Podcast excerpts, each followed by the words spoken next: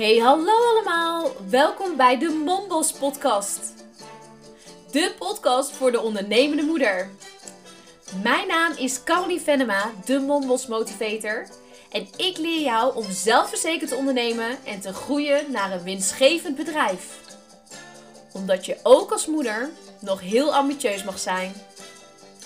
Veel luisterplezier! Hey, hallo allemaal. Welkom bij weer een nieuwe podcast.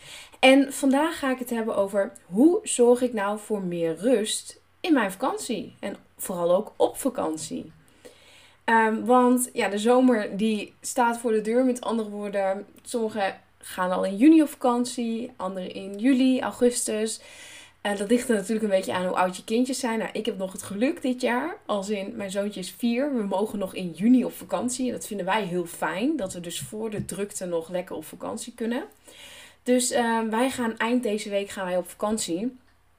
En ik wil je graag meenemen in deze podcast van hoe zorg ik nou als ondernemer ervoor dat ik echt in alle rust op vakantie van, ja, kan gaan. Dat ik niet druk voel dat ik aan het werk moet of uh, ja, dat stukje natuurlijk. Want ik werk niet met een team. Ik uh, besteed um, nou, nauwelijks uh, dingen uit. Wel losse, losse activiteiten, maar geen structurele dingen besteed ik niet uit. Dus ja, dan kan het best een uitdaging zijn om op vakantie te gaan. Want je wil wel dat bepaalde dingen doorlopen. Nou, en in deze podcast wil ik je dus echt stap voor stap eigenlijk letterlijk uitleggen hoe doe ik dat nou, zodat jij misschien nog voor je vakantie dat ook kan doen. Nou, ten eerste heb ik heel erg goed al, um, eigenlijk een jaar van tevoren, plan ik alle vakanties in wanneer ik vrij wil. En voor mij zijn dat gewoon letterlijk de schoolvakanties hè, van de kinderen. Um, ik ben ze dan niet volledig vrij. Dus het is niet zo dat ik dan altijd de kinderen moet doen en, uh, en dat mijn man er niks in doet. Nee. Uh, laat ik zeggen, 70% doe ik wel. Misschien wel 60% ongeveer. Um, ik zorg dat er ongeveer 20% nog oppas is. Dus vaak één vaste dag of twee dagen in de week. Um, en de rest pak ik in de avonden. Dus ik bereid me er al op voor op welke weken, hè, in welke weken ik in plaats van uh, drie, uh, drieënhalve dag dat ik werk, zo vier dagen ongeveer werk ik normaal, werk ik dus twee dagen en drie, vier avonden. Dus voor mij verandert er uurtechnisch dan niet heel veel. Maar wel de dagindeling en activiteiten. Dus ik bereid me gewoon heel erg goed voor hoeveel uur ben, kan ik wanneer werken en hoeveel klanten kan ik dus haakjes dan aan. Nou, ik heb dit jaar gekozen, ervoor gekozen om in de zomer um, een iets andere verhouding te hebben. Dus om eigenlijk maar één dag in de week te werken en de rest allemaal leuke dingen te doen met de kinderen. Ik hoop dat van alles weer open is en dat we overal naartoe kunnen gaan en kunnen genieten van elkaar. Dat betekent dat ik dus minder klanten kan helpen. Zo simpel is het. En daar hou ik rekening mee. Ik heb rekening mee gehouden dat ik zeg maar al, uh, ik heb een potjes al gevuld. Met andere woorden, ik hoef geen nieuwe klanten aan te trekken. Um, ja, ik, ik geef mezelf, ik gun mezelf die rust. En dat zie ik heel veel ondernemers de fout in gaan. Net voor de vakantie nog een opdracht aannemen. Waarbij ze zichzelf in de, echt in de nesten werken. Of toch gewoon opdrachten door blijven aannemen. Uh, ook in de zomermaanden. Want ja, er moet toch geld binnenkomen. Een hele slimme tip is om al in januari, februari, maart, wanneer dan ook, potjes op te bouwen voor de zomer. Je kan je vakantiegeld opzij zetten. Je kan voor de maanden juli, augustus geld opzij zetten. Uh, zodat je er eigenlijk letterlijk voor zorgt dat je niet uh, ja, per se hoeft te werken. Nou, ik kies er dus voor om één dag in de week wel te gaan werken. Ik heb op die dag gewoon uh, in ieder geval mijn moeder die gewoon vast oppast. Dus dat geeft mij heel veel ruimte en rust. Als in dat ik dus mijn, waarschijnlijk heb ik in de zomer zoals het nu uitziet, uh, nog zeven één op één klanten. Dat ik die gewoon wel voor mijn gevoel op de juiste manier kan begeleiden. En dat kan ik omdat ze om de twee weken zeg maar coaching van mij hebben. Dat is gewoon goed te doen. Uh, even heel snel gerekend. Uh, zeven klanten, twee coaching zeg maar in de, in de maand. Dus 14 uur eigenlijk letterlijk coachen. Daarbij heb ik nog niet over de werkzaamheden achter de schermen wat erbij komt kijken. Maar ja, daar hou ik dus planning technisch dus allemaal rekening mee. Dus mijn tip is ook echt, ga kijken hoeveel uur wil je in de zomer werken. En hoeveel klanten kun je dan bedienen? En klopt dat met de verhouding met wat je nu hebt? Of kan je misschien nog wel iets aannemen of moet je misschien afschalen? Ik kies er dus voor om in de zomer ook geen groep te draaien. Dat komt pas weer in september. Dat is gewoon een bewuste keuze. Uh, ik werk natuurlijk met moeders. Al die moeders hebben ook een kinderen thuis, noem maar op. Ik voel gewoon aan alles dat dat niet voor mij een goede tijd is om een groep te draaien, maar waarschijnlijk ook voor mijn klanten niet.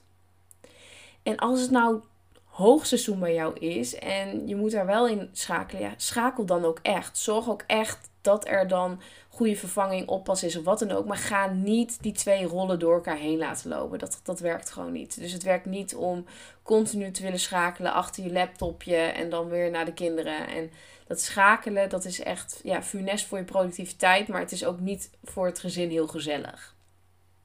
Nou, dat is eigenlijk even kort over mijn zomervakantie. Hoe bereid ik me daar nou op voor? Want dat is natuurlijk wel heel belangrijk. Nou, er zijn een paar dingen die ik gewoon wil wat steady doorloopt. Uh, dat is mijn content. Ik ben al drie jaar uh, zichtbaar. Ik post ongeveer drie keer in de week op Instagram. Uh, ik maak eigenlijk dagelijks stories. Nou, die dagelijkse stories zullen heus wel wat minder misschien worden.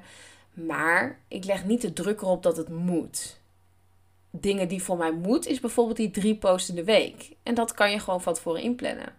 Deze podcast bijvoorbeeld, die je nu luistert, die is op uh, even zien, 22 mei uh, is die gemaakt. Maar je luistert hem nu op dit moment. Um, ja, luister je wanneer het natuurlijk jou uitkomt. Maar weet je, je luistert hem misschien op een totaal ander moment. Luister je hem en dat is oké. Dus ik ben mijn podcast, dus heb ik al allemaal vroegtijdig opgenomen. Um, zodat ik gewoon heel relaxed op vakantie kan. En niet, oh, er moet nu een podcast komen. Of ik moet nu, nee. Mijn podcast bijvoorbeeld, dat is één keer in de week op maandag, komt dat de lucht in. Dat wil ik gewoon steady houden. Ik wil dat mijn klanten erop kunnen rekenen dat er maandag, nou eens klanten, leads, mensen die me volgen, die me leuk vinden om dit te volgen, uh, wil ik gewoon dat ze erop kunnen rekenen dat er elke maandag um, ja, een nieuwe podcast staat. En dan kan je wel zeggen, ja, nou dan haal je die druk voor jouzelf eraf. Nou, ik vind het niet druk, ik vind het gewoon consistentie. En dat is voor mij gewoon een harde eis in mijn bedrijf. Dus die drie posts uh, per week plan ik allemaal van tevoren al in. Het is dus nu mei, 22 mei. En ik heb dus mijn content tot eind juni al af. Staat gewoon klaar. Uh, ik hoef daar eigenlijk niks voor te doen. En ik ben nu al bezig voor de maand juli. Dus ik ben de volgende maand al aan het denken.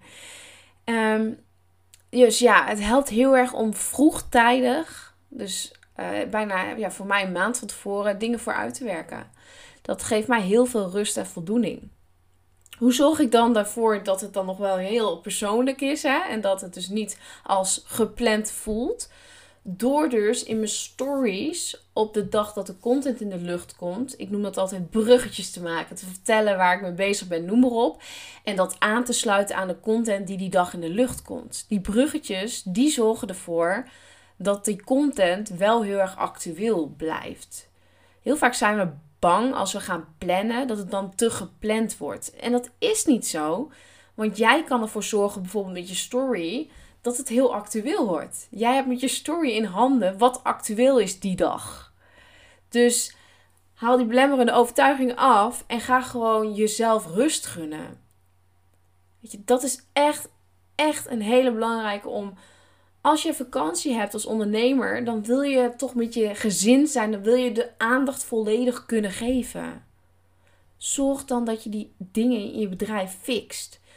Mijn klanten bijvoorbeeld, mijn één op één klanten, weten precies wanneer ik op vakantie ga. Uh, ik heb steeds gezegd, je kan me mailen en uh, ik check één keer per dag mijn mail. Dat houdt dus letterlijk voor me in dat ik in de vakantie één moment pak. En dat wordt waarschijnlijk s'avonds als de kinderen net op bed liggen. Dus tussen 7 en 8 s avonds. Één moment pak ik om mijn mail te checken. Mijn, alleen mijn klanten krijgen antwoord. En uh, daarna de rest niet, zeg maar. De rest wat niet belangrijk is, gaat gewoon weer weg. Dus ook weer consistentie. Consistentie in, ik geef aan aan ze, ik ben op vakantie, is er iets, je kan me mailen. Eén keer per dag kijk erop. Klaar. En dat zorgt voor mij voor heel veel rust. Maar mijn klanten weten ook waar ze aan toe zijn. En is het minder dan anders? Nee, normaal zou ik misschien eh, binnen 6 uur reageren. Maar nu is het zeg maar in ieder geval binnen 24 uur.